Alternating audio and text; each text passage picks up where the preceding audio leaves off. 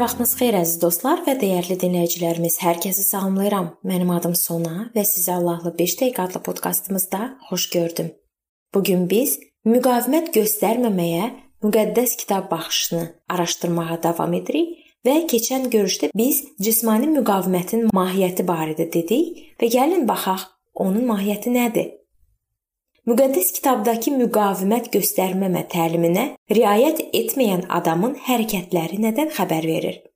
Belə insan hansı vəziyyətdədir? 1.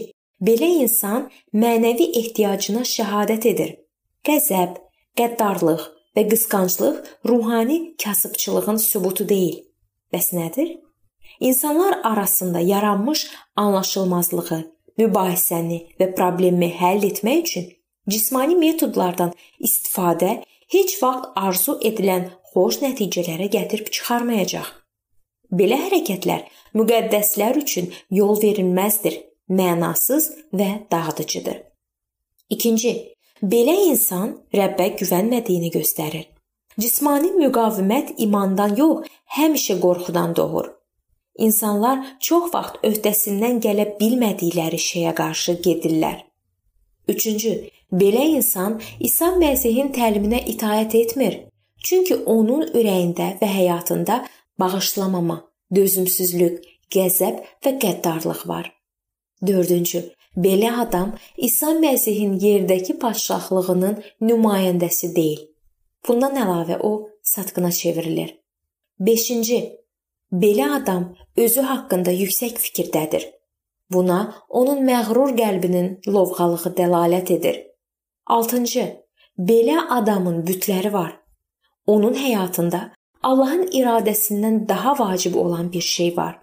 Cismani reaksiyalar əsasən öz bütünü nəyin bahasına olursa olsun qorumağa çalışan insanın ürəyində baş qaldırır. Bəzi insanlar qışqırır, etiraz edir və qəddarlıq nümayiş etdirirlər. Çünki kimsə onların belə ciddi cəhdlə qorumağa çalışdığı şeyi məhv etmək istəyir. Digərləri öz hərəkətlərində daha təmkinli görünə bilərlər, lakin qəlblərində öz bütlərini itirməkdən çox narahatdılar. 7-ci. Belə insanın tövbəyə ehtiyacı var. İncillik, bədxahlıq, hörmətsizlik və təhdidlər bütün bunlar cisminin bəhrəsidir. İnsanın bunu necə nümayiş etdirməsi vacib deyil. Şifahi, yazılı və ya ola bilsin düşüncələrində və üzünün mimikasında günah günah olaraq qalır. Hər belə cismani təzahür insandan tövbə, incidilmiş insandan üzr tələb edir. Bəs müqavimət göstərməmənin xoş bəhrələri nədir? Gəlin baxaq.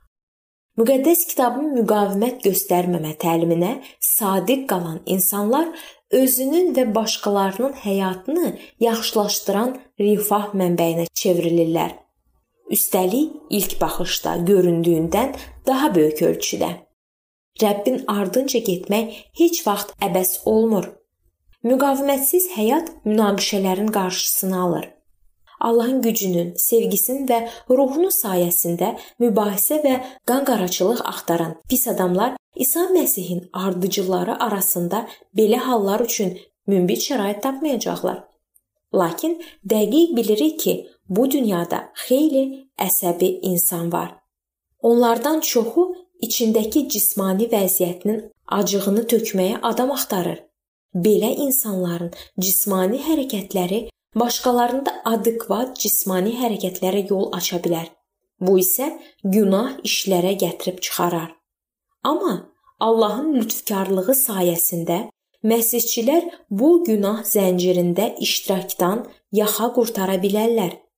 Məsihçilərin qarşısında duran vəzifə insanları Məsihlə barışığa çağırmaqdır. Hər dəfə çətinliklər, stress və travmalarla üzləşəndə Onlar İsa Məsihin sözlərinə riayət etməlidirlər. Mən isə sizə deyirəm. Gəlin bu barədə düşünək.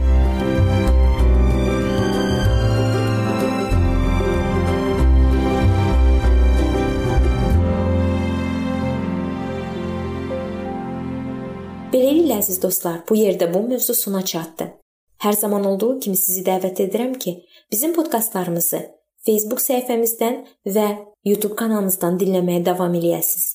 Nəzərinizə çatdırım ki, müqəddəs kitabı araşdırmaq istəyənlər linkə daxil olaraq qeydiyyatdan keçə bilərlər.